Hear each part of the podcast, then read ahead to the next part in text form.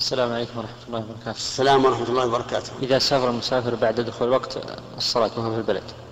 دخل وقت ثم سافر. هل يقصر ويتم؟ نعم. إذا سافر الإنسان بعد دخول الوقت وصلى في في مسيره فإنه يقصر الصلاة. كما أنه لو دخل عليه الوقت وهو في السفر ثم وصل بلده فإنه يتم الصلاة.